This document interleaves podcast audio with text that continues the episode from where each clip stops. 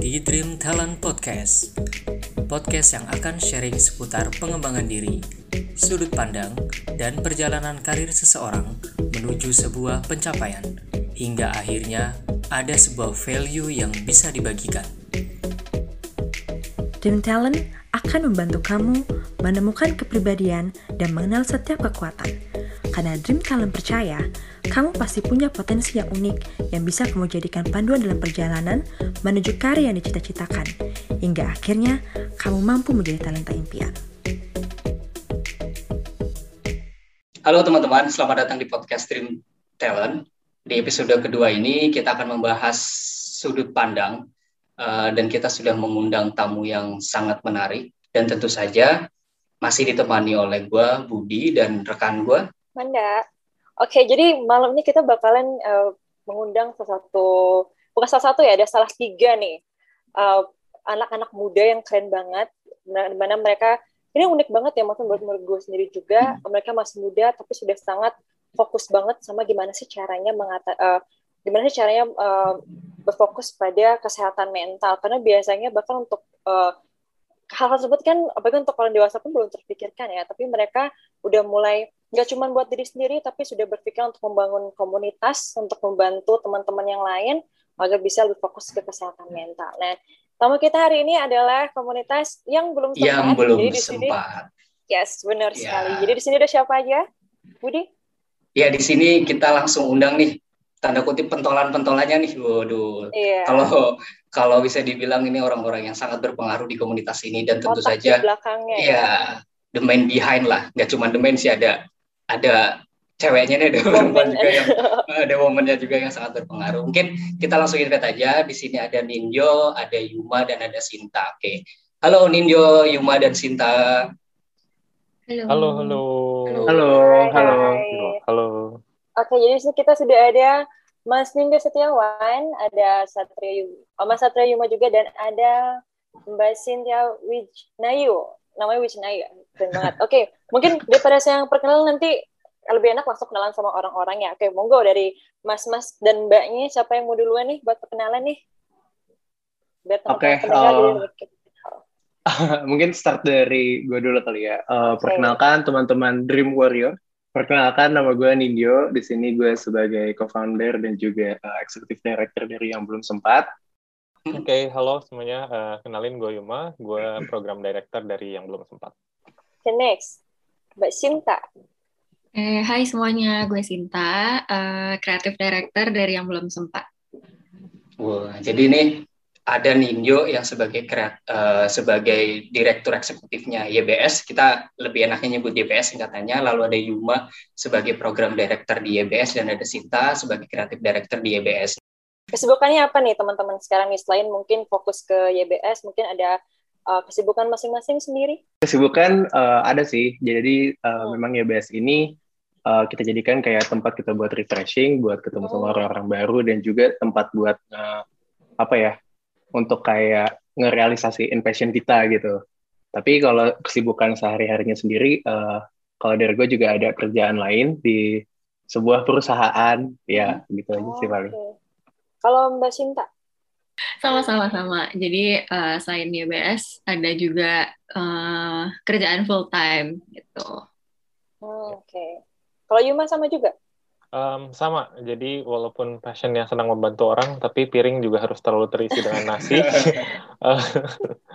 Jadi untuk sekarang karena ini masih bentuknya komunitas, so uh, kita masih ada kerja full time masing-masing semuanya. Ada yang kuliah juga sih sebenarnya di yang belum Oh, oh oke. Okay. Hmm. Berarti sebenarnya variatif juga ya. Jadi selain punya kesibukan masing-masing, kalau kebetulan yang yang gabung di sesi kali ini teman-teman yang sudah full time bekerja, tapi sebenarnya tim dari YBS sendiri memang cukup banyak yang masih berkuliah atau ya, menempuh pendidikan ya. Oke, okay. oke okay, menarik. Nah ini sesuatu yang tentu perlu kita gali, Manda, karena di tengah kesibukan bekerja lah ya, kita juga seorang pekerja iya. kurang lebih begitu, apalagi di ibu kota misalnya gitu. Dan, dan menarik juga sih maksudnya kadang kan kita fokus hanya pada satu jalan aja. Ya udah penting hmm. dapur ngobrol dulu deh. Sisi passionnya atau passion kita yang lain ya udah ntar aja belakangan. Tapi teman-teman sini keren banget ya walaupun full time tapi masih juga uh, mau bergelut di di dunia yang berbeda banget apalagi jatuhnya komunitas ya yang apa namanya yang dapat keuntungan finansial segala macam ya keren banget sih dari awal udah menginspirasi banget ya Budi ya Benar-benar. Oke, sebelum kita masuk tentang komunitasnya nih, Manda, eh, gue Hmm. penasaran. Sebenarnya dari teman-teman sendiri, Ninjo, Yuma, dan Sita ini memang punya latar belakang psikologi kah? Atau sebenarnya tidak punya eh, irisan, tapi tertarik di bidang tersebut? Iya, kebetulan di sini eh, sebenarnya pertama gue digandeng oleh Bapak Nindyo, tapi eh, kebetulan di antara kita bertiga yang sarjana psikologi itu eh, gue gitu. Jadi em, membantu mewarnai lah eh, si eh, teori-teori psikologi positifnya tuh kayak gimana sih kira-kira perspektifnya gitu. Oke, Ninjo, siap-siap. berarti bukan psikologi eh, jurusannya apa waktu kuliah dulu Kita Yuma sahabatan sama dari zaman kuliah di HI. jurusan. oh Oh, internasional nggak ada hubungannya kan iya ada sih itu sama kita bisa bisa aja tapi um, in general uh, kita berdua emang udah sahabatan dari zaman kuliah dan ya pas jalan kayak emang ada passion pengen membantu orang pengen buat sesuatu yang bisa bantu orang um, so terlahirlah yang belum sempat gitu. wah, menarik, menarik. I- Ya, ini. awalnya tercetus dari siapa sih? Maksudnya satu HI terus juga menggandeng psikologi gitu. Hmm. Sebenarnya ide ini untuk ah, kita harus bikin nih yang belum sempat gitu. Gimana sih mungkin bisa diceritain dari awal perjalanan? Hmm, kalau lihat awalnya sebenarnya kita ngelihat di Indonesia ini kan banyak banget sebenarnya problem tentang mental health Eh, dan mau dari itu sisi kurang infrastruktur ke daerah juga jarang banget ada psikolog atau bahkan rumah sakit. Biasanya diarahinnya ke psikiater karena psikolog dan psikiater tuh beda kan. Um, in simpelnya adalah psikolog di mana eh, ahli yang ahli medis yang bisa diajak berdiskusi sedangkan psikolog tuh yang lebih ke medisnya. Nah di di di beberapa daerah banyaknya justru diarahkan ke psikiater. Um, ada juga masalah stigma, ada banyak banget masalah kesehatan mental di Indonesia. Dan kita bertiga tuh ngelihat kayak kayaknya ada ada loophole yang bisa kita isi deh di antara semua itu. Hmm. karena kita juga di saat yang bersamaan ngelihat uh, banyak kan sebenarnya sekarang komunitas ataupun perusahaan yang udah ngangkat nih tentang uh, kesehatan mental. Mau itu dari sisi psikolog klinis mau dari uh, ngubah stigmanya um, ada yang campaign awareness-nya gitu. So kita ngelihat loophole-nya di situ adalah kita bisa masuk nih di tengah-tengahnya buat ngangkat tentang uh, gimana caranya menjaga kesehatan mental lewat pendekatan psikologi positif. Oke, oke. Menarik, menarik nih, eh, Manda. Jadi, Yuma sudah menceritakan awal mula kelahiran dari yang belum sempat. Tapi sebelum eh, kita gali lebih dalam lagi mengenai kesehatan mental dan segala macam, mungkin gue penasaran nih sama langsung eh, direktur eksekutifnya nih, atau bisa dibilang ketuanya nih dari Nindio sendiri yang belum sempat nih pengen mengambil perannya, pasti tadi sempat di-mention ya mengenai psikologi positif. Nah, nanti kita akan lebih dalam. Oke, silakan, Nin. Iya, sebenarnya ngelanjutin dari yang Yuma udah sampaikan tadi, kita ngerasa bahwa uh, banyak nih organisasi-organisasi yang udah coba nge-fill uh, peran-perannya masing-masing nih, khususnya di kesehatan mental. Ada organisasi ataupun komunitas ataupun bahkan perusahaan yang emang ngambil sudut uh, role-nya itu sebagai penyedia jasa, ada yang mengambil perannya itu sebagai uh, pengedukasi dan yang lain sebagainya gitu. Ada banyak peran yang memang ada udah istilahnya di Indonesia udah cukup banyak lah gitu. Nah, kita coba isi ini, kita coba ngambil suatu peran yang menurut kita nih cukup apa ya, cukup menarik dan cukup bisa disasar untuk uh, generasi muda, di mana kita pengen uh, mengambil peran sebagai teman teman menjaga kesehatan mental dari generasi muda Indonesia gitu. Jadi posisinya kayak kita udah sering banget diskusi dan kita selalu uh, sering banget pakai kata-kata ini, kita itu menjadi sebuah vitamin vitamin untuk orang-orang menjaga kesehatan mentalnya. Jadi bukan cuma untuk mereka yang uh, mungkin memiliki masalah tersendiri di kesehatan mental, tapi juga untuk semua orang gitu. Karena kita tahu vitamin untuk semua orang kan.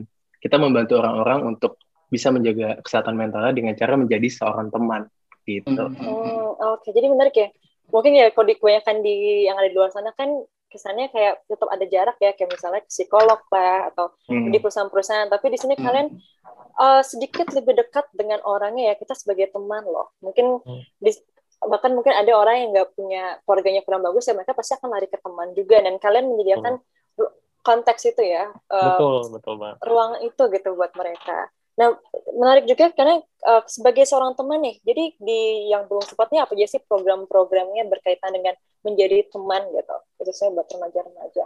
Program kita sebenarnya sejak berdirinya kita berdiri tahun 2019 ya lupa tahun ya karena pandemi nggak jelas ya. Tiba-tiba 2022 nih 4 bulan. Se sebelum pandemi. Iya, BC-nya jadi before COVID sekarang. Eh, BC. 2019, Iya, 2019 sebenarnya kan tahun kita berdiri. Iya, 2000. Iya. 2019 kita berdiri. em, apa jadi lupa pertanyaannya apa tadi sorry. Program-programnya apa aja? Oh ya program-programnya. Menjadi teman tuh kayak gimana tuh Iya. bagi program Eh, kita semenjak udah hampir dua tahun berdiri, sekarang udah punya empat program sih. Eh, jadi yang pertama itu nama programnya cerita yang belum sempat. Ini adalah wadah yang kita. Ini program pertamanya banget yang belum sempat. Eh, ini adalah wadah yang kita pakai untuk orang-orang bisa share cerita ataupun membaca cerita tentang eh, tentang hal-hal yang belum sempat dalam kehidupan mereka atau orang lain. Nah, itu benar-benar program pertama yang eh, benar-benar ngambil value dari psikologi positif dan kata yang belum kalimat kalimat yang belum sempatnya itu sendiri. Eh, Hmm. Jadi kalau lihat Instagram kita, kalau lewat website kita itu ada cerita-cerita biasanya yang suka dibaca. Nah itu adalah salah satu programnya. So kita ada apa ya bahasnya? Ada value kita namanya to reflect, be mindful and share. Jadi kita Hmm. pengen orang-orang reflect, mindful pada diri mereka dan juga bisa share itu ke teman. Hmm. Eh, terserah nggak harus ke kita gitu, tapi kita adalah opsi sebagai salah satu teman. Nah itu cerita yang belum sempat. Kedua ada yang belum sempat main bareng, so kita buat eh, board game atau card game yang bisa dimainin buat eh, bantu jaga kesehatan mental. Jadi eh, gimana ngegali eh, hal-hal dalam hidup dengan cara yang lebih seru. Pertanyaannya bahkan waktu itu kita pernah mainin bareng em, organisasi mau perusahaan psikolog klinis gitu dan psikolognya bilang oh ini pertanyaannya kadang ada beberapa yang saya tanyain waktu eh, sesi juga nah tapi kita bikin sebegitu funnya supaya orang bisa terbuka sama temennya gitu sama orang-orang di sekitarnya orang bahkan main sendiri gitu Um, dan yang ketiga ada podcast juga kita Oh iya. promosi ya. Nah uh, Keren, yang keren, keempat yang keempat ada program yang terakhir uh, yang kita lagi nggak terlalu aktif sih untuk sekarang sengaja. Fokusnya ke yang tiga tadi. Yang terakhir tuh ada Mhm. yang belum sempat dirasakan namanya. Yang belum sempat dirasakan tuh kita coba nyediain metode-metode yang lebih psikologi banget heavy psikologi Hmm. banget buat kesehatan mental. Nah sekarang udah ada satu uh, itu di YouTube kita uh, dan metode yang kita coba adaptasi itu dari nama metodenya uh, expressive writing jadi gimana nulis kita bikinin video buat nemenin dan nuntun buat ngeluarin uh, apa yang dirasain di dalam apa ya pikirannya gitu. Gitu. Itu sharing yang board game sama yang sharing cerita itu Hmm. uh, lewat ini apa, apa namanya uh, platform apa? Apakah ketemu langsung atau chatting atau gimana? Kalau yang board game ya itu dijual di Tokopedia. Eh, kita benar-benar coba nekan harganya supaya affordable dari masyarakat di Oke. seluruh Indonesia. Tapi kadang eh, masalah di Indonesia kan logistik ya mahal banget. Ya, ongkirnya. Bener-bener. Jadi walaupun Bener. kita tekan harganya, ongkirnya kadang bisa lebih mahal daripada Iya, eh, harga kartunya. harga produknya. Jadi yang itu produknya eh, offline bisa dibeli di Tokopedia, tapi kalau yang cerita yang belum sempat itu gratis, bisa langsung di bio Instagramnya yang belum sempat, orang-orang bisa langsung cerita, share ceritanya di situ. Gitu. Oh, jadi lewat Instagram mereka sharing cerita mereka. Terus nanti Iya. disampaikannya gimana itu ceritanya? Jadi Um, kalian yang balas kah atau orang enggak. lain bisa ikut kontribusi? Jadi eh, kita sengaja buat program cerita yang belum sempat ini eh, lewat Typeform. Jadi Typeformnya ini si flow-nya kita udah versi yang terbaru sekarang, di mana kita minta eh, masukan dari expert di bidang psikologi dan juga expert di bidang UI UX supaya journey-nya benar-benar kerasa kayak lagi cerita yang enak banget, nggak kayak survei gitu loh, walaupun pakai Hmm. Typeform tapi lebih kerasa kayak cerita aja gitu sharing. Eh, biasanya cerita yang masuk itu kita compile dan ada yang kita keluarin ke podcast, ada yang kita keluarin ke website. Di podcast tuh jadi dibacain ceritanya yang masuk, yang agak panjang-panjang biasanya yang kita bacain di situ. Eh, ada yang ke website dan yang utamanya itu di Instagram bisa dibaca. Gitu. Kalau misalnya yang nggak kebaca, berarti apakah nanti uh, kalian balas atau kayak gimana? Misalnya kalau yang nggak dimuat di Um, podcast ya. Jadi di Typeform ini sebenarnya anonymous. Kita pengen mereka Hmm. senyaman mungkin, pengen kita manggilnya teman-teman Wibi. Kita pengen teman-teman Wibi itu senyaman mungkin cerita. Jadi nggak ada eh, informasi pribadi tentang mereka, tapi di bagian bawah kita biasanya nanya kalau mau dihubungin lebih lanjut, kita eh mereka boleh share emailnya kita. Nanti biasanya Oh, eh, per beberapa bulan kita coba check up ke mereka ini. Ya terakhir kita juga pernah check up ke mereka kayak halo gimana kabarnya? Gitu.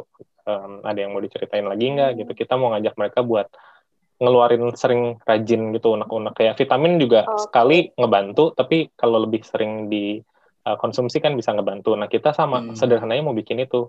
Kita nggak bilang cara Hmm. menjaga kesehatan mental kita adalah yang paling ampuh atau satu-satunya Hmm. Hmm. Uh, karena faktanya kita bikin beragam bentuknya adalah karena nggak bisa nggak mungkin sih Untuk ada satu yang pasti bisa buat masing-masingnya semua ya. orang iya Hmm. nah ini gimana yang cocok buat teman-teman masing-masing ya silahkan dipakai gitu kita bantu sediakan aja Ya itu itulah kenapa uh, Manda kalau kita cek Hmm. Instagram yang belum sempat kan banyak tuh tulisan-tulisan atau cerita-cerita Hmm. dari teman-teman. Tadi sebutannya teman-teman Bibi ya, Yuma, Ningyo dan Sinta ya, yang cerita apa sih yang menjadi kegelisahan mereka dan itu berarti memang sudah seizin mereka untuk di-share ya. Karena Ya, ada tadi betul. to reflect, be mindful, and share. Nah itu value yang menarik. Nanti kita akan gali lebih dalam mengenai value tersebut. Tapi sebelum kita masuk ke sana, uh, gue penasaran nih uh, sejauh ini perjalanan yang belum sempat ini. Kalau tadi Nindyo sudah menjelaskan komunitas yang belum sempat secara keseluruhan, lalu Yuma dengan program-programnya, dan kali ini mungkin gue pengen nanya ke Sinta nih, kira-kira perjalanan sejauh ini yang sudah berjalan 2 sampai tiga tahun ya kurang lebih.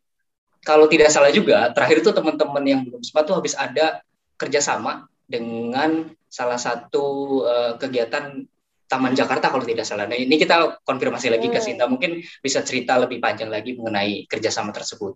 Ya, betul-betul.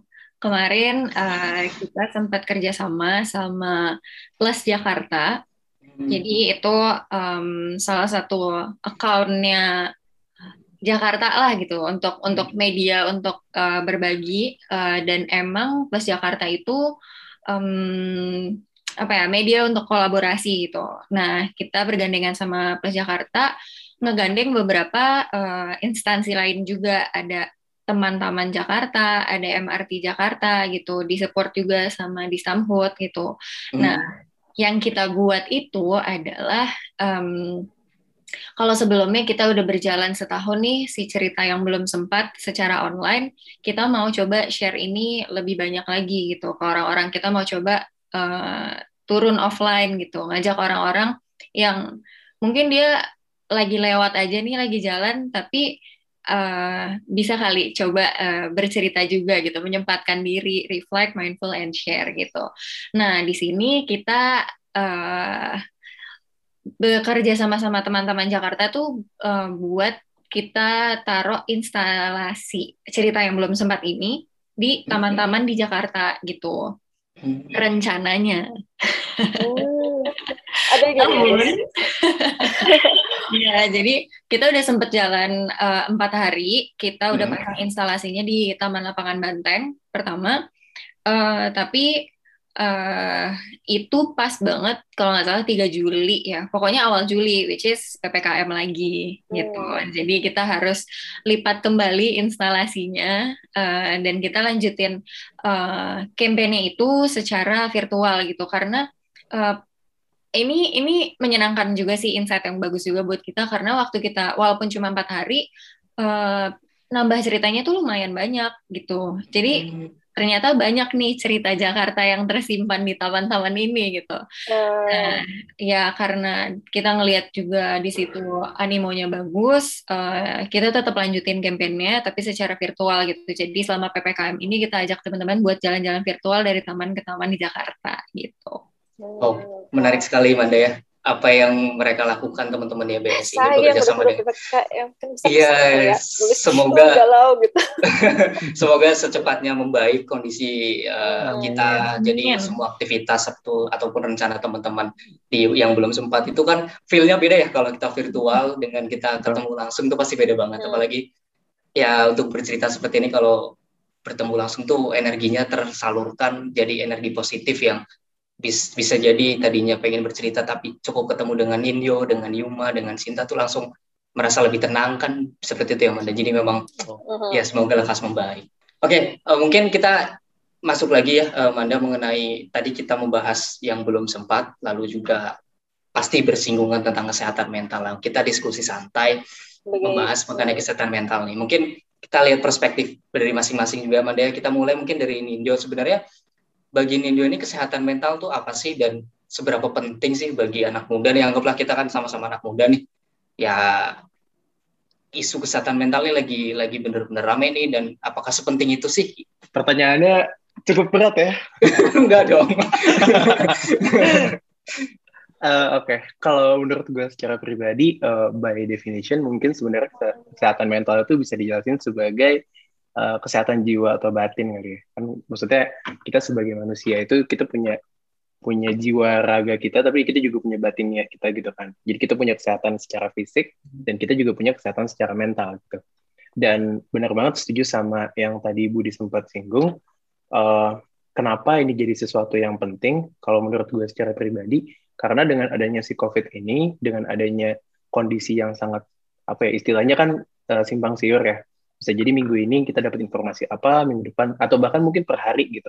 Hari ini kita dapat informasi apa, besok kita dapat informasi apa dan semuanya itu tuh walaupun emang kita mungkin alhamdulillah bisa di rumah aja, bisa punya kelebihan untuk di rumah aja, tapi informasi yang masuk ke kita itu kan jadi makin rame dan akhirnya bikin kita bisa uh, menghasilkan uh, output-output yang bervariasi gitu.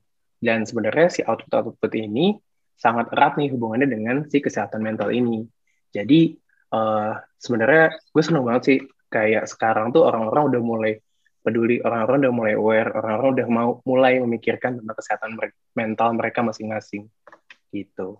Nindyo keren nih. Tadi itu sudut pandang atau perspektif dari Nindyo. Mungkin kita lanjut ke Yuma mengenai kesehatan mental, Yuma. Hmm. Hmm, ini dari perspektif mana ya yang belum kejawab nih Iya boleh. Maksudnya dari dari ini bukan gimana sih uh, ini bukan benar salah. Jadi ah, sudut okay. pandang sudut pandang aja dari kita gitu. Oke, okay. um, tadi pertanyaannya tentang kesehatan mental, iya, kesehatan mental dan juga kondisi sekarang gimana ya? Hmm. Um, kalau by definition sih mungkin akan sama, tapi mungkin gue akan lebih fokus ke kondisi sekarang menurut gue kayak gimana. Um, gue ngerasa uh, ada ada dua hal yang yang ada beberapa hal sih, ada sisi positif dan negatif dari apa yang terjadi dengan landscape mental health di Indonesia ya. Gue nggak tahu di luar negeri soalnya. Di Indonesia saat ini.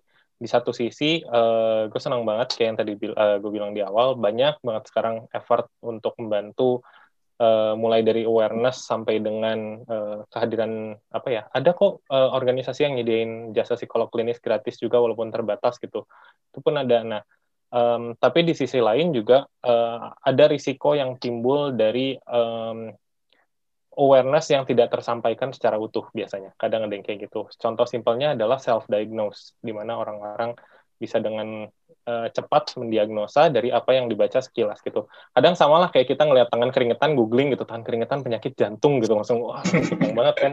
Iya, iya, nah, iya. Sekarang yang gue rasa terjadi dengan uh, apa um, di di bidang kesehatan mental juga more or less ada kejadian kayak gitu. Um, terus kalau ditanya apa hubungannya dengan yang belum sempat, menurut gue di situlah yang belum sempat salah satunya bisa hadir uh, dengan apa ya untuk orang-orang yang belum siap jangan self diagnose, mending fokus ke jaga kesehatan mentalnya dulu. Um, karena kalau jawaban terbaik ya pasti ketemu psikolog karena mereka yang paling ahli untuk bisa membantu mendefinisikan apa yang terjadi dengan diri kita. Tapi kan yang banyak ya problemnya ada yang mungkin secara finansial berat, karena menurut gue pun berat, uh, lumayan mahal online juga tuh. Uh, bahkan gue pernahnya yang murah, tapi itu pun buat gue tetap lumayan mahal gitu buat psikolog klinis. Uh, mungkin ada yang takut juga kan nggak nyaman ya buat cerita ke orang secara terbuka orang yang kita kenal walaupun uh, expert gitu. Nah menurut gue di situlah yang belum sempat bisa hadir dengan solusi um, coba deh fokus dijaga dulu aja gitu apa pun yang terjadi. Kayak kayak kondisi covid sekarang gitu kita nggak bisa tahu. Simptomnya banyak banget gitu kayak ngeraba-raba aduh gue kena nggak ya? Tapi vitaminnya diminum aja terus tiap hari. Nah sama mental health juga bisa dicoba at least dengan kayak gitu.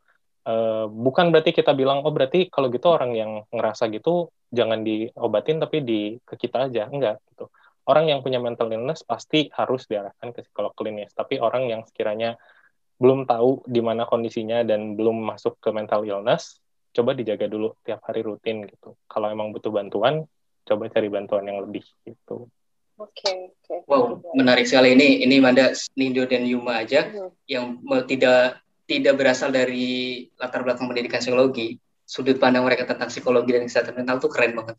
Nah, ini menarik banget. Kita akan gali bagaimana nih sudut pandang uh, seorang psikolog mengenai kesehatan mental, khususnya Sinta yang sudah berpengalaman uh, mengenai kesehatan mental ini atau di psikologi, dan mungkin nanti bisa sharing juga mengenai pendekatan yang dilakukan oleh yang belum sempat. Nah, nanti setelah Sinta menjawab mengenai kesehatan mental secara umum. Silakan, Sin. Udah ada yang senyum-senyum nih dua dari tadi. Budi sarjana psikologi bukan psikolog. Oh iya, beda, sorry, beda. kurangi. Sorry, sorry, sorry, maaf, maaf. Jangan menimbulkan ekspektasi. kan diaminkan, Sin. Semoga kan yeah. nanti bisa lanjut dan ya gitu. Amin lah ya. Kita doa terbaik pasti Sin. Silakan Sin. Amin, amin, amin. Uh, ya sebenarnya udah sangat-sangat terwakilkan sih dengan jawaban-jawaban dari sarjana YBS ini kalau ngomongin tentang kesehatan mental gitu. Mungkin justru dari gue uh, lebih simpelnya aja lebih ringkasnya aja kesehatan mental itu apa? Kesehatan jiwa atau batin gitu. Uh, kesehatan mental yang baik itu seperti apa? Yang uh, mentalnya atau jiwanya tuh uh, tenang gitu stabil.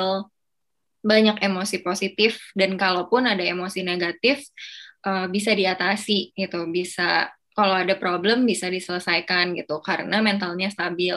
Kesehatan mental itu penting atau enggak? Penting banget karena itu bagian dari kesehatan kita secara keseluruhan gitu. Baik uh, yang yang mesti kita maintain tuh ya ada jiwa, ada raga gitu. Baru kita bisa disebut uh, fully sehat.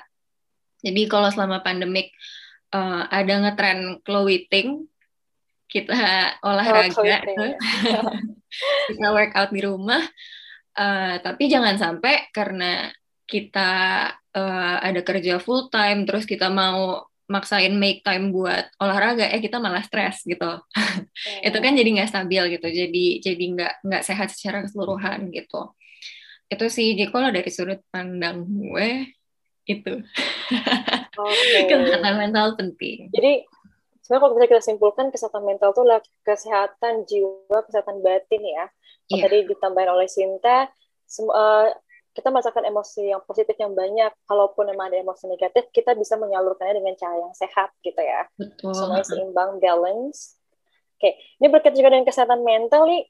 Uh, gue sangat tertarik sekali waktu dengan podcast kalian itu dan kalian juga sudah sebut sebelumnya ada psikologi positif ya, positif psychology ini menarik banget karena setahu gue positif psychology ini adalah aliran baru juga sebenarnya di psikologi. Apa sih yang bikin kalian mendasarkan yang belum sempat ini uh, menggunakan aliran psikologi positif gitu dan bagaimana kalian merefleksikan psikologi positif dalam program-program kalian?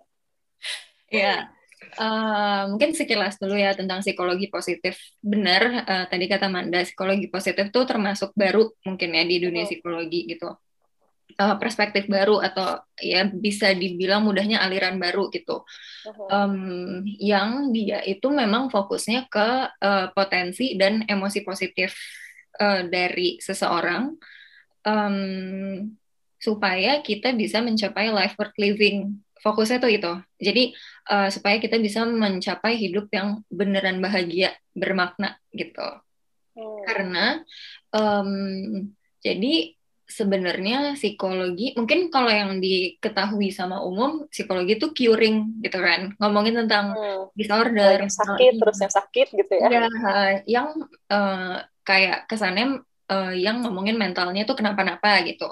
Hmm. tapi uh, sebenarnya sebelum sebelum mentalnya kenapa-napa atau setelah mentalnya kenapa-napa dan sudah diperbaiki uh, mental itu kan harus tetap dijaga terus kan. Kesehatan mental tuh harus di maintain terus gitu. Sama kayak kita ngelakuin clothing untuk maintain uh, kesehatan fisik gitu.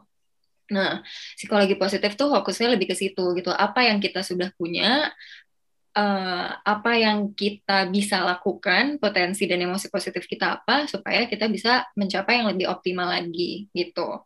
Nah, uh, kenapa kita pakai psikologi positif? Kenapa yang belum sempat itu mengadopsi psikologi positif? Soalnya um, kalau secara semangatnya uh, kita lebih masuk ke situ gitu. Jadi uh, kayak yang tadi mau diceritain, sebenarnya kalau sekarang tuh mental health awareness udah naik banget.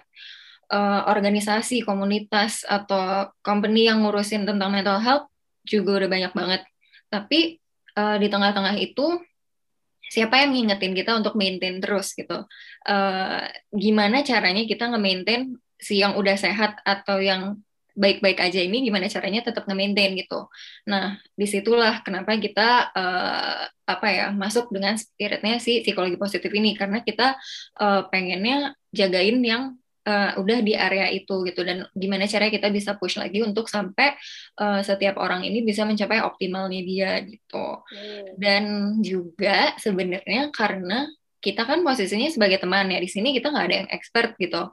Apa sih yang bisa dilakuin sama teman um, untuk membantuin teman-teman yang lain jaga kesehatan mental um, mungkin ya itu mentoknya adalah kita bantu ngingetin uh, ngajak ngobrol gitu. Um, kalau misalnya udah sampai penyembuhan itu udah di luar area kita gitu. Oh. jadi memang paling pas kayaknya uh, kalau kita ngadopsi itu psikologi positif gitu. Oh, menarik.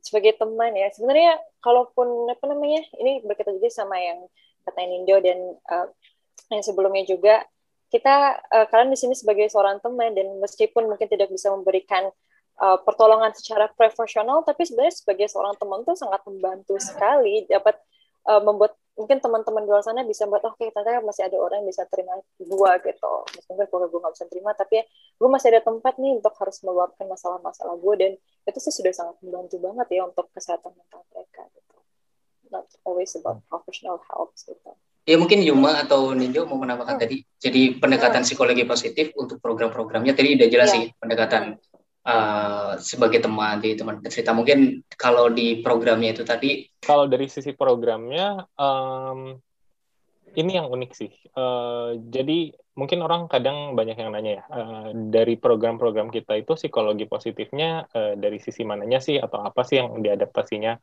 um, yang kita adaptasi itu nggak selalu melulu sesuatu yang utuh banget dari psikologi positifnya, bisa jadi hanya nilai-nilainya yang kita ambil. Um, tapi kalau teman-teman nyadar dari empat program yang bentuknya beda-beda, mungkin kecuali podcast kali ya, uh, yang tiga kan benar-benar murni uh, dari kita ada yang kita adaptasi. Um, kayak yang tadi Manda bilang, orang tuh banyak yang mencari jawaban keluar. Nah, kalau dia yang belum sempat, waktu mereka datang ke kita, kita balik, jawabannya disuruh cari sendiri, gali ke dalam diri sendiri um, kita nggak bilang semuanya ya, karena kayak yang cerita yang belum sempat juga kan ada cerita orang lain yang di-share. Tapi setelah itu kita ajak balik tanya ke mereka, ada yang belum sempat di dalam hidup kalian gitu. Atau di board game-nya ada yang kita tanya. Um, salah satu pertanyaannya misalkan, yang nggak terlalu berat apa ya? Um, um, ada yang berat sih, yang berat aja deh. Kayak um, apa trauma keluarga dalam kehidupan kamu? Ada yang seberat itu ditanya. Ada yang menurut aku ada yang lebih berat daripada pertanyaan itu. Bertanya adalah siapakah aku? Simpel itu. Um, karena um, di luar saat ini, asin di dunia ini uh, banyak banget yang mencoba mengarahkan kita, banyak banget yang punya ekspektasi kita uh, ke ke kita. Dan itu kenapa makanya aku juga suka pas uh, belajarin tentang Dream Talent, um, karena itu ngelihat lagi kepribadian kita untuk kemudian di, uh, disambungkan dengan karir kita, track kita kan. Uh, dan kepribadian yang ditelaahkan tentang diri kita sendiri. Nah sama program-program yang belum sempat juga ngajak buat yuk kenalin lagi diri kita sendiri um, supaya nantinya bisa mencapai life worth living itu. Nah life worth living untuk setiap orang itu kan beda-beda takarannya um, seakan sekarang di dunia itu ada batasannya. Kalau di kita mungkin kayak habis lulus kuliah nikah punya mobil anak gitu. Udah udah udah terstruktur gitu. Kayaknya hidup orang tuh harus kayak gitu.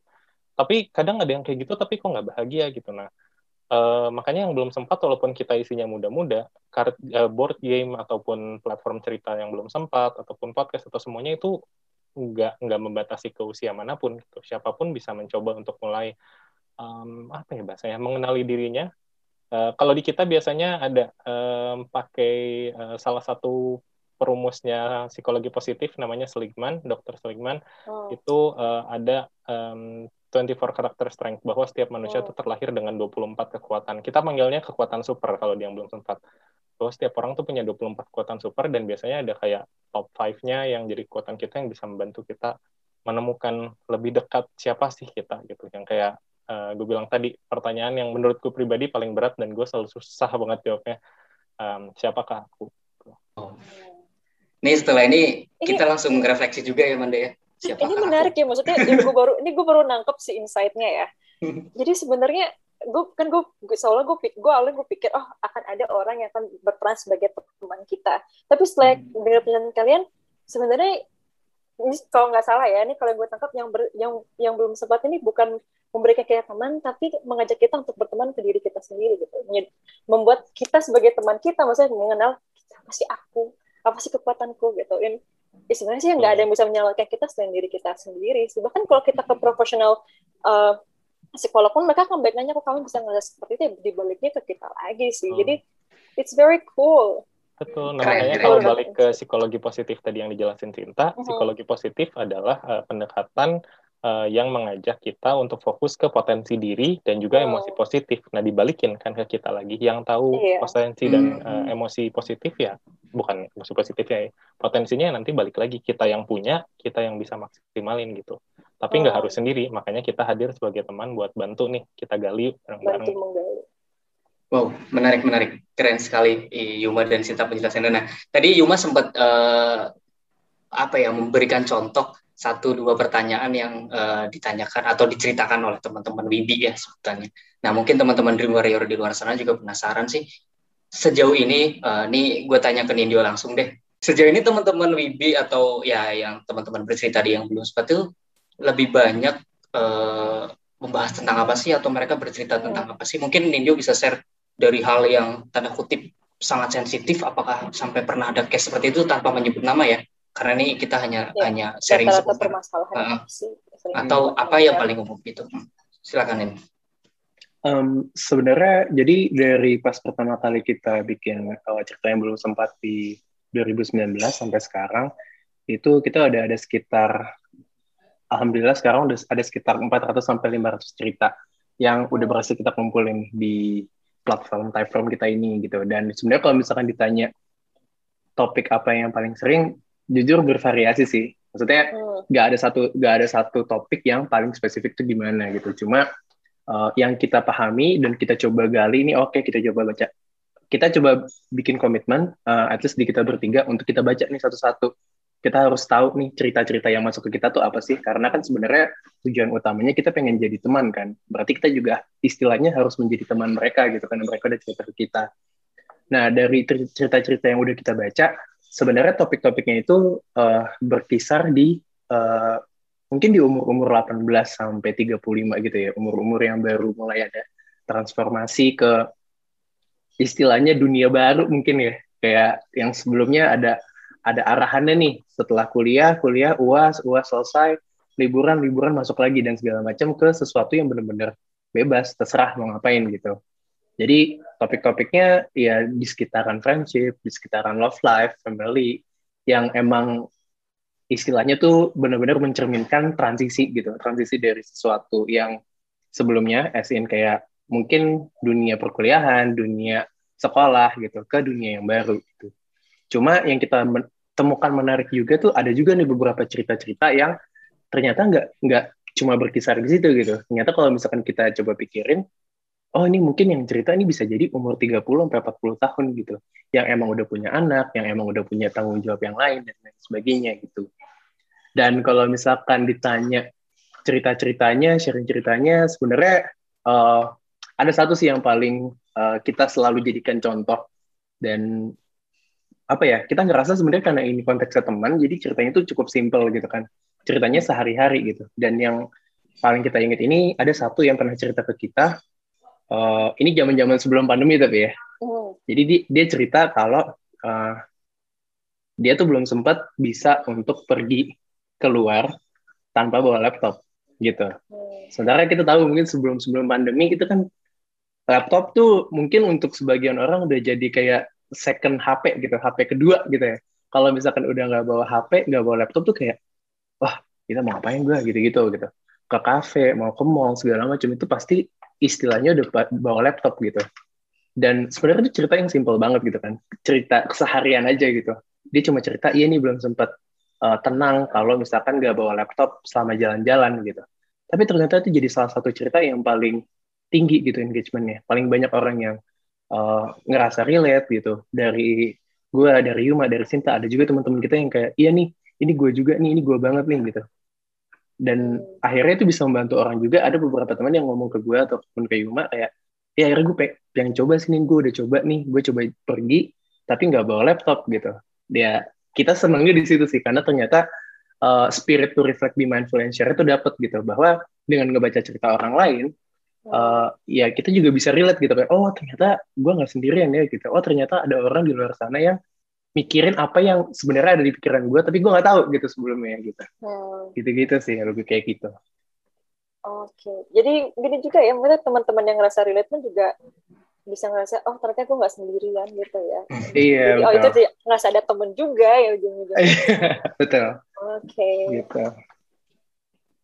Nah ini kalau misalnya kan kalian dari 2019 ya, kira-kira ada nggak sih perubahan, misalnya mungkin perubahan permasalahan atau fokus permasalahan antara ketika sebelum uh, sebelum COVID, itu kan harus WFH, harus kuliah online dan segala macam. Apakah ada perubahan mungkin dari cerita-cerita yang diberikan teman-teman? Mungkin kalau sekarang lebih relate ke WFH atau sebagainya.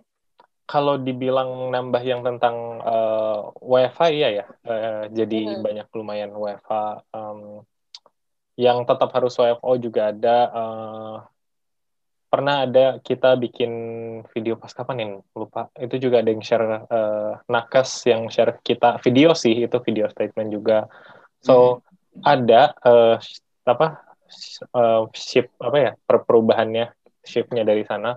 Cuman kalau dibilang sesignifikan itu uh, enggak juga sih. Maksudnya enggak semuanya tiba-tiba jadi semuanya iya. cerita tentang WFH doang. Tapi justru karena WFH dan lain-lain lebih reflect ke masalah pribadi banyak hal di rumah kan atau mungkin yang hmm. biasa nggak di rumah tuh atau oh, yang hidup iya. karena stop tuh jadi stop dan dia bisa kayak oke okay, ada apa ya gitu nggak atau nggak kayak tadi kata Nindi abis baca cerita orang hmm, gitu kalau gue ada apa ya gitu nah dia jadi share. Nah, justru karena ada kesempatan berhenti, karena ada kesempatan dalam tanda kutip dikurung di rumah itu, ceritanya jadi tetap beragam aja gitu. Enggak enggak semuanya jadi hmm. hanya ngeluhin WFH aja gitu. Ada sih ada gitu ya. Ada perubahan tren baru ke sananya. Gitu. Oh, menarik ya. Jadi karena stay di rumah malah lebih banyak waktu untuk refleksikan sebenarnya hmm. ada apa sih terjadi di hidupku. Akhirnya oh, wah aku punya masalah ini gitu. Menarik. Sudut banyak, banyak hal yang akhirnya muncul gitu ya uh, mulai menyadari sebenarnya apa sih yang hmm. terjadi gitu jadi sebenarnya kalau yang penjelasan Juma tadi se sebelum pandemi itu banyak orang yang sibuk dengan rutinitas segala macam ya. hmm, jadi tidak sempat untuk reflect ke diri sendiri dan sepanjang hmm. pandemi mungkin itulah yang uh, apa ya bahasa gampangnya kalau bagi gue adalah banyak energi nih akhirnya energi tersebut harus dialihkan. Nah, salah satunya kalau tidak bisa mengelola energi itu malah jadi mikir-mikir yang negatif. Jadi ngerasa insecure atau apa segala macam. Nah, nanti kita bahas tuh di akhir tips and trick dari teman-teman di EBS untuk mengelola itu. Nah, mungkin Sinta uh, atau Nindyo ada tambahan lagi mengenai tadi itu fenomena WFH, fenomena belajar dari rumah, ataupun ini deh fenomena burnout yang semenjak WFH kan justru menjadi ancaman tersendiri ya bagi kita kita nih yang yeah. ya anggaplah yang sudah full time bekerja gitu fenomena burnout. Mungkin ada sudut pandang dari Nindyo, Sinta? Dari cerita-ceritanya iya, setuju sama Yuma. Dan termasuk ngalamin sendiri juga sih, Bud. jadi, jadi, dan, dan even gue sendiri sempat sebenarnya di masa transisi ini gitu ya, terus kayak, kan kerjaannya jadi uh, beneran flexible working hour ya. Fleksibel banget tuh working hour. Yeah. akhirnya juga akhirnya pernah tuh nyoba kayak aduh ngumet juga ya keluarin kali ya gitu. Gue ikutan hmm. cerita. Bener sih yang tadi Yuma ceritain. Gitu. Dari Nindyo mungkin ada. Uh, enggak sih. Uh, sebenarnya itu doang. Itu menurut gue udah cukup cukup banget gitu. Uh, bener karena kita udah ngerasa berhenti dulu nih. Kita dikasih waktu untuk kayak oke okay, uh, lo punya waktu untuk bisa mikirin diri sendiri gitu itu jadi makin banyak yang kepikiran gitu dan sebenarnya uh, mungkin ada satu insight sih yang pengen gue share. Jadi yang kadang kita temuin lucu tuh adalah uh, beberapa teman kita yang kayak tadi Yuma jelasin kan sebenarnya di akhir type form itu kita ngasih opsi kan boleh anonymous tapi boleh juga nih nge-share email masing-masing gitu. Sebenarnya inti inti emailnya itu lagi-lagi untuk kayak kita ngecek gitu. Oh, ini gimana nih? Gimana cerita lo yang kemarin nih? Uh, apakah ada cerita lagi dan sebagainya gitu. Uh, yang lucunya adalah kadang kita coba buat ngepost si cerita ini. Misalkan Budi cerita gitu ya di bulan Februari. Terus akhirnya cerita Budi ini kita post nih di bulan Maret atau di bulan April gitu. Ternyata Budi abis itu ngontak antara gue atau Yuma atau Sinta gitu kayak gila nih cerita yang ini gue banget gitu. Padahal itu cerita dia gitu. Tapi ternyata kita bisa relate juga gitu dengan dengan cerita kita gitu. Jadi ya balik lagi gitu. Kita senangnya karena uh, ya itu akhirnya jadi loop yang emang cukup dinamis tapi juga cukup positif gitu untuk nggak cuma orang lain tapi juga ternyata buat diri kita gitu. Itu Tapi sih paling. se sebelum eh, sebelum covid sama pas masa covid ini lebih banyak yang mana untuk ngepost cerita? Apakah sebelum covid atau pas covid terus lebih banyak banget yang ngepost cerita? Um, sebenarnya kalau untuk banyaknya perubahannya nggak terlalu signifikan sih. Ya. Jadi emang kayak uh, ada yang cerita tiba-tiba di suatu malam gitu jam satu pagi tiba-tiba ada yang masukin ceritanya gitu-gitu. Oh. Cuma mungkin kalau di uh, COVID ini jadinya lebih kalau dulu tuh misalkan kayak malam-malam gitu karena kan setelah kerja pulang oh. mandi segala macam baru cerita gitu. Nah kalau ini mungkin ada yang pagi, ada yang tengah malam gitu-gitu. Oke, okay. oh, berarti lebih, lebih lebih dari waktu tapi untuk jumlahnya masih tetap nggak terlalu nggak ada yeah. perbedaan signifikan ya. Okay. Betul. Oke, okay. menarik banget memang uh, sudut pandang dari Nindyo, Yuma dan Sinta mengenai kesehatan mental, psikologi positif sampai tadi kita diskusi seputaran fenomena burnout. Nah, nah kita masuk ke topik selanjutnya nih yang sangat menarik bagi gue karena kita akan membahas sebuah impian, khususnya ini impian untuk teman-teman yang belum sempat nih. Gue pengen nanya ke Ninjo, Yuma dan Sinta sih. Sebenarnya apa sih yang menjadi belief dari tim yang belum sempat sampai bisa berjalan sampai sekarang dan hopefully ya akan ada di tahun-tahun berikutnya dan membantu banyak orang lain berdampak pada orang lain gitu. Apa sih menjadi belief dari yang belum sempat sendiri? Mungkin Nindyo, Yuma atau Sinta bisa mewakili menjawab. Atau nanti ditambahkan. Silakan. Sebenarnya kalau masalah beliefnya ini eh, kita tuh senang banget. Apalagi kemarin setelah kita coba kerjasama dengan Plus Jakarta yang kayak Sinta tadi udah jelasin kita senang banget bahwa sampai hari ini ternyata type form yang kita buat, kartu yang coba kita jual, spot podcast yang coba kita bikin, itu semua tuh masih ada audiensnya gitu. Itu semua masih ada orang-orang yang emang mau dengerin, mau beli, mau cerita gitu. Uh, jujur kalau misalkan ditanya dari gue sendiri pun dari pribadi, gue suka banget uh, dengerin cerita orang gitu. Karena menurut gue gue nggak cuma nggak punya cukup waktu dan nggak punya cukup umur untuk bisa ngerasain semua cerita gitu. Dan mungkin emang nggak perlu ngerasain semua cerita itu gitu. Tapi dengan adanya platform ini uh, gue juga jadi ada reflect gitu jadi ada passion dan jadi bisa terrealisasi gitu bahwa gue bisa tahu cerita orang gue bisa membantu orang gitu. Dan fakta bahwa ternyata sampai hari ini masih ada yang semakin banyak yang datang ke kita semakin banyak yang menggunakan produk program-program kita gitu. Itu yang membuat gue secara pribadi yakin gitu oke okay, ini emang kita sepertinya bisa membantu dan seperti kita bisa membantu banyak orang gitu. Jadi si beliefnya adalah kayak oke okay, kita nggak boleh stop karena banyak orang yang akhirnya terbantu nih karena kita. Mungkin nggak serta merta karena kita ya karena mereka lagi gitu karena mereka sendiri balik lagi. Cuma artinya kita bisa membantu mereka untuk bisa menemukan dirinya bisa menemukan potensinya bisa menemukan kekuatannya itu apa gitu gitu sih kalau dari gue mungkin ada tambahan dari Sinta atau Yuma Hmm, kalau dari gue pribadi sih nambahin dari Nindyo, mungkin secara personal yang menjadi belief gue kenapa udah mau udah hampir dua tahun lah, bentar lagi dua tahun Oktober uh, itu dua tahun yang belum sempat. Kenapa masih mau bertahan dan masih mau lanjut terus? Uh, sederhananya banget karena kita ngerasa masih banyak banget yang uh, punya cerita yang belum sempat dalam hidupnya, uh, yang bisa diartikan dalam arti banyak orang yang masih butuh teman buat jaga kesehatan mentalnya. Karena uh, banyak ya kayak yang gue bilang tadi balik lagi banyak terus jawabannya. Emang banyak banget opsi untuk menjaga kesehatan mental banyak caranya. Tapi mungkin kadang saking banyaknya jadi bingung kali ya buat orang-orang aduh ngapain ya? Kayak nyobain yoga nyobain uh, mindfulness breathing nyobain download aplikasi gitu.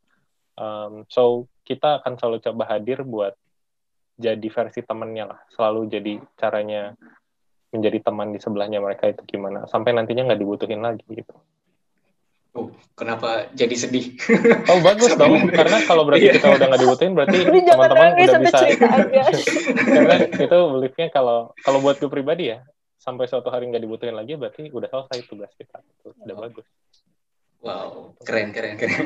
gue penasaran sih, ini kan kalian kan istilahnya kan nyambi ya, maksudnya ada ada kalian punya pekerjaan utama, terus nyambi juga di yang belum sempat ini. Kira-kira apa sih tantangan terbesarnya ketika kalian masih berusaha untuk mempertahankan sampai sekarang ya ketika kalian menjalankan komunitas ini samping kalian harus uh, ngerjain pekerjaan utama kalian juga dan tadi juga Sinta sempat bilang ada sempat burn out nih masalah kerjaan gimana sih itu mempengaruhi yang belum sempat ini mungkin bisa di sharing apa aja challenge ya dan caranya. Uh, sebenarnya mm, mm, mm, gimana ya? Mostly kita emang naruh uh, beberapa agenda atau PR atau jadwal kita yang berkaitan sama YBS itu di weekend gitu.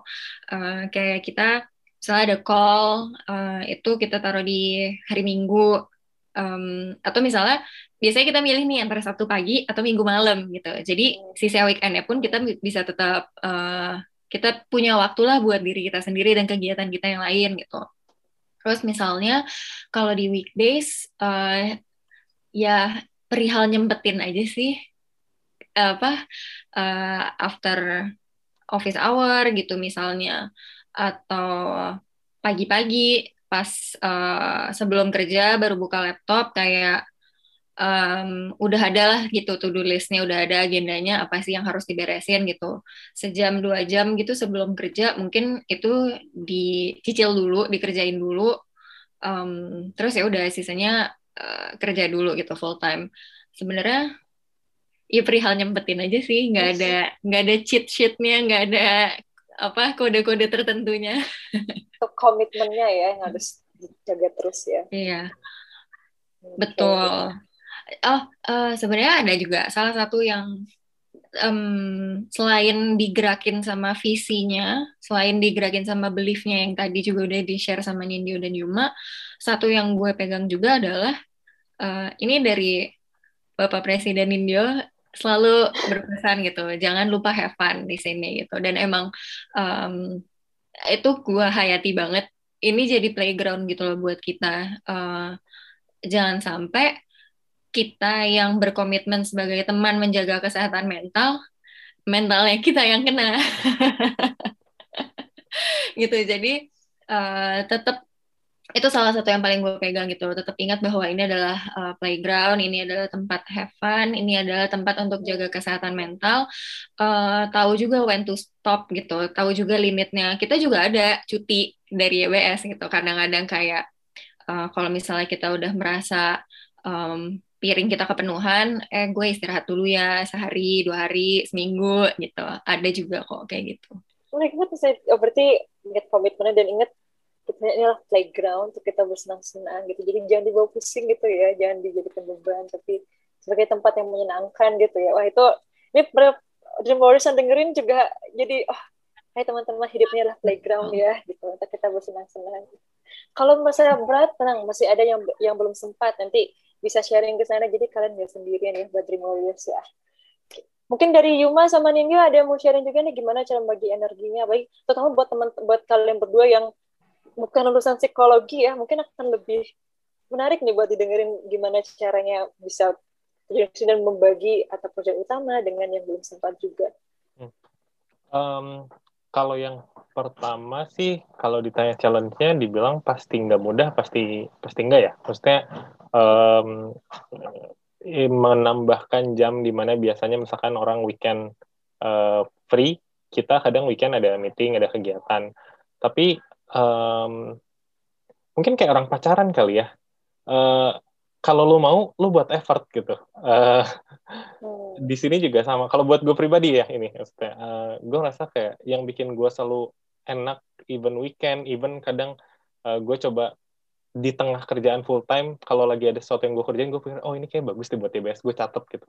Selalu ada kayak hmm. gitunya. So, um, yang membuat semuanya lebih seru jadi kayak playground to to play ini adalah tempat kita berkreasi dan ber apa ya berinov apa ya berkreasi dan coba gali ide-ide kreatif kita buat bantu orang dengan cara yang seru gitu dengan cara yang fun dengan cara yang kita sendiri juga berharap bisa dibantu kayak gitu gitu. Jadi kita selalu ngebalik juga sama bener kata Sinta karena kita nggak akan bisa ngebantu jaga kesehatan mental orang lain kalau kita juga nggak bisa. Makanya biasanya yang paling penting dilakuin di yang belum sempat sih biasanya kita selalu komunikasi kalau ada apa-apa hmm. kita selalu coba terbuka gitu kayak uh, Sinta tadi bilang misalkan gue lagi capek kayak uh, kayak minggu depan gue nggak bisa deh weekend uh, mau cuti dulu dua hari uh, buat weekendnya nggak nggak dipakai buat apa pun dulu mau istirahat so jadi kita juga kalau dikomunikasikan jadi bisa saling cover yang hmm. belum sempatnya bisa tetap jalan uh, teman-teman wibinya juga masih tetap bisa terbantu gitu walaupun ada yang cuti dalamnya so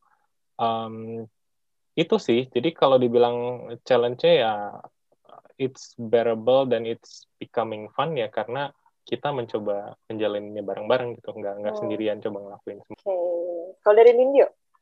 Ya mungkin untuk Nindyo nih khusus uh, sekalian juga menjawab pertanyaan dari gue, Manda. Gue penasaran juga. Tadi kita masuk ke topik impian yang belum sempat. Dua tahun terakhir ini banyak hal yang bisa dilakukan dan gue pengen nanya langsung ke Ninjo kira-kira apa sih mimpi dari yang belum sempat yang mau dikejar misal dalam lima tahun ke depan 10 tahun ke depan bisa dari bisa dari visi visi secara yang belum sempat sendiri atau visi diri sendirinya seorang ninjo gitu. Silakan nih oke oke. Oke sebenarnya kalau misalkan uh, tadi untuk si tantangan dan kayak uh, gimana caranya berjalan yang belum sempat sendiri mungkin udah terwakilkan ya sama Sinta dan jawaban dari Sinta dan juga jawaban dari Yuma gitu. Uh, kita sekarang uh, ada beberapa volunteer, ada beberapa teman-teman yang kita uh, apa ya, maksudnya kayak kita coba kerja bareng lah gitu, dan itu cukup fluid gitu, kayak setiap berapa bulan, setiap sekian bulan, terus ntar ada orang baru, ntar ada orang yang diganti dan yang lain sebagainya gitu. Nah, dengan adanya dengan adanya orang-orang baru ini, dengan adanya dinamika yang terus berjalan ini, nah gue tuh pengen eh, orang-orang tuh ke sini juga bisa dapat sesuatu gitu. Walaupun dengan ekspektasi apa pun itu gue berharapnya itu bisa bisa juga terrealisasikan gitu dengan mereka berkomunikasi dan juga berproses bersama yang belum sempat gitu. Jadi sebenarnya kalau ditanya uh, cita-cita yang belum sempat lima tahun lagi 10 tahun lagi atau kayak ke depannya itu seperti apa kalau by definition secara fisik kita adalah kita pengen mewujudkan generasi muda Indonesia yang sejahtera secara psikologis gitu. Seperti yang tadi juga diomongin dari uh, Sinta dan Yuma dari spirit kita mengambil mengadaptasi gitu lah psikologi positif gitu. Cuma kalau misalkan ditanya visi secara pribadi, uh, gue ngerasa karena balik lagi yang tadi Yuma bilang bahwa kita tuh kadang jadi audiens kita sendiri gitu. Gimana caranya kita bisa uh, ngebantu orang kalau ternyata kita belum bisa bantu diri kita sendiri gitu. Nah gue pengen kita makin bisa membantu banyak orang lagi gitu. Kita makin bisa menjadi seorang teman yang kayak tadi Yuma bilang, kalau misalkan emang sekarang kita bisa membantu mereka, is a good thing gitu. Tapi one day, kalau misalkan mereka ternyata udah bisa mengenal diri mereka sendiri gitu, dan mereka akhirnya setelah mereka mengenal diri mereka sendiri, mereka juga bisa bantuin orang lain gitu. Jadi ini kayak semacam apa ya, ada ada levelnya gitu lah. Ketika mereka akhirnya juga bisa membantu kita, kita pengen banget gitu. Kita pengen banget punya banyak agen agen as in kalau misalkan di kita tuh uh, nyebutnya ranger. Ranger ranger yang akhirnya bisa menyebarkan nih si semangat kita yang kita udah bawa dari awal gitu. Semangat bahwa menjaga kesehatan mental itu sebenarnya uh, kewajiban dari setiap orang. Mungkin kewaj bukan kewajiban ya tapi kebutuhan yang harus dipenuhi oleh setiap orang gitu. Dan gimana akhirnya mereka pun juga mau gitu menjaga kesehatan mental mereka dengan walaupun ada berbagai cara berbagai metode kita sediakan mungkin metode yang paling mudah dulu gitu, dengan cara bercerita gitu dengan cara kita ya udah nggak apa-apa cerita dulu aja apa pun itu gitu uh, siapa pun itu gitu dan segala macamnya gitu sebenarnya itu sih kita pengen orang-orang itu bisa lebih aware dan juga lebih ya lebih mau gitu untuk membantu orang lain gitu dan ya semuanya karena mereka bisa tahu kekuatan mereka apa dan mereka tahu uh, potensi mereka itu di mana gitu. Oh, Oke, okay. menarik banget ya. Jadi lo bisa menolong orang lain setelah lo bisa menolong diri lo sendiri gitu ya. Jadi start from being your own hero then you become the hero for others gitu. It, jadi kebahagiaannya terbagi terpancar untuk setiap orang ya. Yeah. so kalau kata Pak Victor sih amazing gitu. Dari value-nya dari value-nya dream talent dream action benar keren banget sih compassion-nya terus juga tadi uh, merefleksikan dari value-value yang dipegang oleh Sinta dan Yuma terkait dengan uh, work life balance ya. Jadi kalau misalnya kalau tadi kalau periodnya udah penuh ya sempatnya waktu untuk istirahat. Terus kalau memang butuh waktu istirahat jangan lupa untuk komunikasiin ke teman-teman yang lain jadi teman-teman juga oh. tahu gitu. Dan yang terpenting banget yang selalu juga bisa dipegang buat dream warriors di luar sana ingat uh, selalu mengingat kalau tempat ini adalah sebagai playground ya untuk have fun gitu. Okay. nggak kerasa banget nih kita udah satu jam ternyata ngomong-ngomong yang wah sangat insightful sekali. Mungkin untuk pertanyaan terakhir nih buat teman-teman bertiga nih kira-kira apa sih uh, tips and tricks dan atau mungkin nasihat yang bisa teman-teman kasih ke Dream Warriors di luar sana untuk mungkin bisa mencapai mimpi mereka atau mungkin menjalankan seperti teman-teman udah punya pekerjaan utama tapi juga bisa mengejar passion yang lain atau mungkin tetap mempertahankan value mereka. Kalau balik ke apa yang dilakuin di Dream Action atau lewat Dream Talent ini um, bukan tips and trick kali ya, lebih ke sharing apa yang gue laluin dan apa yang gue lihat selama di yang belum sempat dan sampai hari ini. Um, selalu lihat orang-orang di sekitar sih, karena uh, setiap orang tuh pasti punya ceritanya masing-masing, punya punya alasannya masing-masing kenapa mereka menjadi mereka yang hari ini. Um, karena kayak yang tadi gue bilang kalau misalkan berkaitan dengan karir gitu kayak di Dream Talent atau Dream Action ini um, mungkin kadang ada kali ya fase-fase di mana uh, dibilangin sama orang lain kayak iya kalau masih muda nggak bisa ngejar passion uh, harus ngejar karir dulu gitu. Um, ya in some cases mungkin benar ya. Kalau orang, orang yang nggak mendapatkan banyak privilege di pekerjaan full time-nya nggak bisa mewujudkan passionnya di saat yang bersamaan dengan dia harus mencari nafkah. Tapi um, banyak kok kesempatan kayak bentukan-bentukan yang belum sempat ini uh, di mana bisa volunteer atau mau buat sendiri juga di mana kita bisa uh, menyalurkan passion kita karena kalau dari gue pribadi gue sangat senang pekerjaan yang bisa membantu orang lain. Kalau gue cukup beruntung di pekerjaan full time gue dan di sampingan uh, di yang belum sempat ini dua-duanya bisa gitu. Tapi mungkin kalau untuk teman-teman uh, Dream Warriors yang mendengarkan dan masih galau kayak aduh kerjaan aku nggak fulfilling tapi aku juga butuh gitu karena harus bisa kan bantu orang tua coba cari kesempatan-kesempatan lain kayak gini biasanya volunteer juga ada kok yang hanya di weekend aja gitu atau yang acaranya proyekan yang sekali udah selesai itu juga ada so um, di luar sana banyak kesempatan um, jangan lupa lihat kiri kanan gitu oke okay. keren banget kalau dari Ninja atau Sinta? Oke. Okay. Um, hmm, sebenarnya ini mau sekalian nyelipin dikit ya. Dari tadi itu sebenarnya ada yang gatel dikit. Boleh, boleh silakan.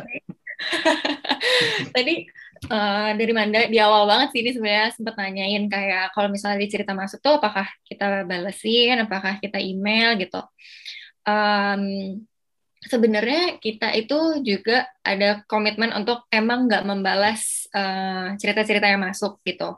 Uh, karena posisinya di sini kita adalah sebagai teman untuk mendengar uh, dan uh, kalau mau ditaruh lebih jauh lagi kita memang juga bukan expert yang kita punya uh, apa ya gimana nih cara mengatasi orang lain gimana cara memberikan gimana cara problem solvingnya gitu jadi di sini memang fokusnya kita memberikan wadah untuk bercerita gitu.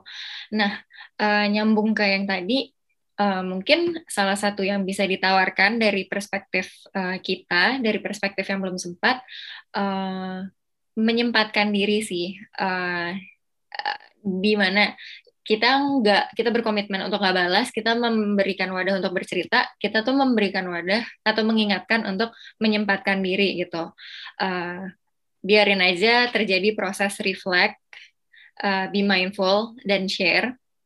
Karena uh, ketika kita menyempatkan diri itu sebenarnya untuk mengetahui diri juga.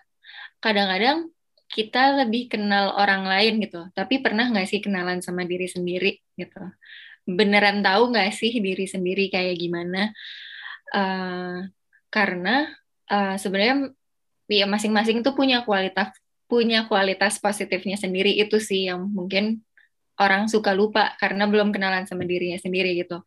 Jadi apa pun mimpinya sebenarnya pasti ada caranya tapi temuinnya tuh di dalam diri sendiri juga gitu. Emang potensinya apa sih? Emang pengennya apa gitu. Itu sih. Jadi reflect mindful share. wow, keren. Keren sekali, Sinta. Uh, terakhir dari Nindyo bisa menjawab atau sharing tentang tadi sekaligus juga memperkenalkan uh, mungkin kalau mau berkomunikasi atau mau menghubungi teman-teman DBS bisa lewat uh, sosial media apa aja dan segala macam mungkin bisa disampaikan langsung oleh Ninjo sekaligus juga menjawab pertanyaan tadi silakan Nin. Oke, okay. thank you banget sebelumnya. Uh, jadi gimana ya? Kalau menurut gue secara pribadi, kalau misalkan diomongin tips and tricks kan sebenarnya uh, istilahnya gue Yuma dan Cinta pun juga bagian audiens dari yang belum sempat ya. Jadi sebenarnya kurang lebih kita juga paham nih ketika kita pengen bikin sesuatu, kira-kira orang tuh butuhnya yang kayak gimana ya gitu. Orang tuh positioning itu gimana ya? Karena kita juga bagian dari audiens yang kita sasar gitu. Nah, terus yang gue sadari mungkin juga refleksi dari apa yang gue dapat, terkadang kita kan masih bingung nih di umur-umur segini gitu. Uh, ke depannya itu kayak gimana, apa yang harus gue ambil, apakah ini langkah yang benar apa enggak gitu-gitu. Cuma meminjam kata yang tadi Sinta udah bilang, kadang tuh kenapa hal itu muncul, kenapa ekspektasi itu muncul, kenapa opsi-opsi itu muncul, karena kita uh, terkadang jauh lebih mengenal orang lain gitu dibandingkan mengenal diri sendiri. Banyak alasan yang mungkin pertama kita uh, takut, mungkin kedua kita uh, males gitu, atau yang mungkin yang ketiga ya nggak ada waktunya gitu, terlalu sibuk kerja, terlalu sibuk uh, mengejar sesuatu yang akhirnya nggak ada kesempatan nih buat uh, kenalan sama diri sendiri gitu. Cuma kalau misalkan kita teliti lagi dari tiga tiga penjabaran yang tadi aja gitu, takut, males, dan uh, ngelihat orang lain, sebenarnya ketiganya tuh ada satu poin yang sama bahwa tiga-tiganya belum sempat. Nah itu dia alasan kenapa uh, pertama banget gue mengambil uh, kata yang belum sempat ini sebagai spirit yang pengen kita bawa gitu karena menurut gue belum itu bukan sesuatu yang impossible belum itu bukan tidak gitu. Masih ada waktu, masih ada kesempatan, masih ada ke kekuatan, masih ada keinginan gitu. Jadi belum itu tuh adalah sesuatu yang masih bisa kita lakukan gitu. That's why kita mengambil hashtag atau semangatnya adalah belum itu akan gitu. Kenapa yang belum sempat? Karena belum itu akan gitu. Selalu akan ada kesempatan lagi, selalu akan ada waktu lagi, selalu akan ada kekuatan lagi, waktu lagi untuk kayak kita mengenal diri sendiri gitu. Kita bisa tahu apa yang kita mau gitu. Walaupun itu membutuhkan proses gitu. Nah, nyambung kayak yang tadi uh, Budi udah sempat bilang, kita hadir sebagai uh, yang belum sempat 247 365 semuanya secara online di platform kita. Jadi feel free banget buat Dream Warrior nih yang mungkin uh, pengen coba cerita atau mungkin ya cerita-cerita orang lain gitu bisa banget datang ke Instagram kita gitu. Karena kadang fulfilling gitu ketika kita bisa tahu cerita-cerita orang yang ternyata relate sama kita atau bahkan kita nggak pernah tahu bahwa ada cerita orang ada cerita kayak gitu loh gitu. Ada orang yang ternyata mengalami kayak gitu loh gitu. Entah itu sifatnya empati entah itu sifatnya simpati gitu. Cuma itu bisa akhirnya bisa balik ke kita gitu. Oh oke okay, berarti uh, ternyata gue juga belum sempet ini ya gitu. Ada yang bilang kayak belum sempat foto keluarga lagi gitu. Belum sempat ngasih kado ke kakek lagi gitu. Itu kan sesuatu yang mungkin kalau ada di memori kita ya udah tuh udah gak kepikiran dah gitu. Tapi karena kita coba baca-baca cerita lain kita coba uh, kasih waktu untuk diri kita bertemu dengan diri sendiri gitu. Itu tuh bisa ya udah oh iya kayaknya bisa deh hari ini gue ngelakuin ini gitu. Bisa deh kayak kita beresin kamar nih gitu. Bisa deh kayaknya kita uh, ngebuangin barang-barang yang udah expired dari kulkas gitu. Dan yang lain sebagainya gitu. Sebenarnya banyak banget kan gitu. Jadi uh, feel free banget untuk melihat cerita-cerita yang ada di teman-teman uh, udah kasih teman-teman yang emang udah mau untuk uh, bolehin nge-submit di Instagram kita ataupun di website kita juga ada yang belum sempat daftar. Kalau Instagram yang belum sempat aja. Terus uh, feel free juga untuk uh, apa namanya submit cerita gitu lewat platform kita gitu karena itu kita posisikan sebagai media utama kita menjadi seorang teman gitu. Silakan cerita ke kita, tapi balik lagi kayak yang tadi Sinta udah sempat jelasin, komitmen kita adalah kita belum mau atau kita nggak mau untuk membalas itu. Karena kita ngerasa kita nggak punya kapabilitas untuk bisa menjawab itu gitu. Karena balik lagi ke diri mereka masing-masing gitu. Terus uh, kalau misalkan emang ternyata uh, butuh metode-metode lain kita juga banyak nih. Ada di Tokopedia kita nyediain kartu yang emang bisa dipakai nggak cuma untuk main sama orang lain tapi juga sama diri sendiri gitu. Jawab aja pertanyaan diri sendiri gitu. Atau mungkin kalau misalkan masih ppkm kita bisa ngelakuin nih secara online. Ada beberapa contoh kita sempat kemarin uh, ngadain virtual session di mana kita ajak audiensnya itu main gitu. Jadi kayak ya udah kita kasih tahu aja kartunya nih gitu. Karena ya menurut kita menjaga kesehatan mental itu nggak harus bertemu kok bisa juga secara online.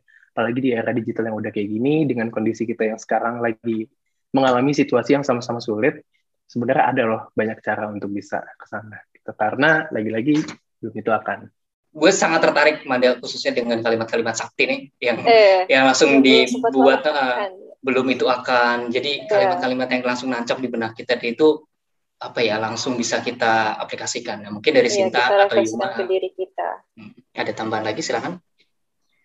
Iya, uh, mau nambahin dikit aja.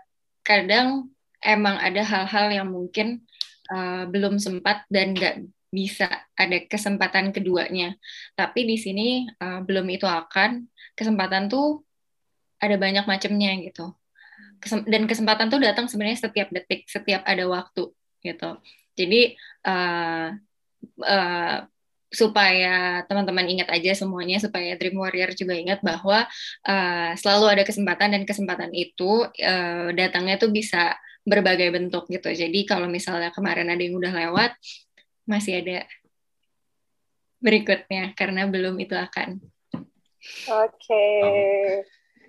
Keren, keren, keren banget, banget sesi kita kali ini, uh, Manda. Kita dapat banyak sekali. Hmm sudut pandang yeah. baru, dapat insight yang menarik dari teman-teman semua dan semoga juga bisa langsung dipraktikkan oleh teman-teman Dream Warrior semua ya tentunya hmm. ada dan untuk menutup uh, sesi kali ini sekali lagi terima kasih uh, Nindyo, Yuma, Sinta atas kesempatannya dan semoga sukses selalu untuk yang belum sempat serta tentunya karir teman-teman semua karena Dream Talent juga bergerak di bidang yang masih bersinggungan dengan psikologi yeah. dan iya. nanti bisa teman-teman cek langsung di dreamtalent.id. Mungkin uh, Manda ada tambahan lagi? Udah cukup sih.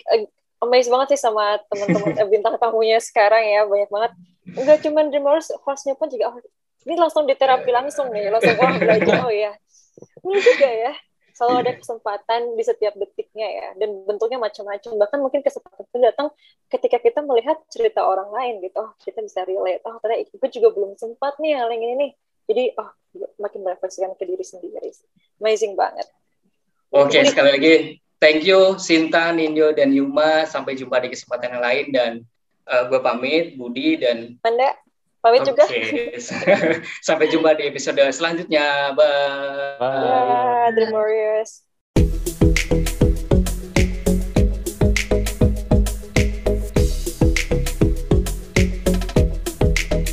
Semoga di episode kali ini banyak hal yang bisa segera kamu aplikasikan, mendapat banyak inspirasi dan pengetahuan yang tentunya bisa membantu kamu selangkah lebih dekat mewujudkan karir impian di masa depan.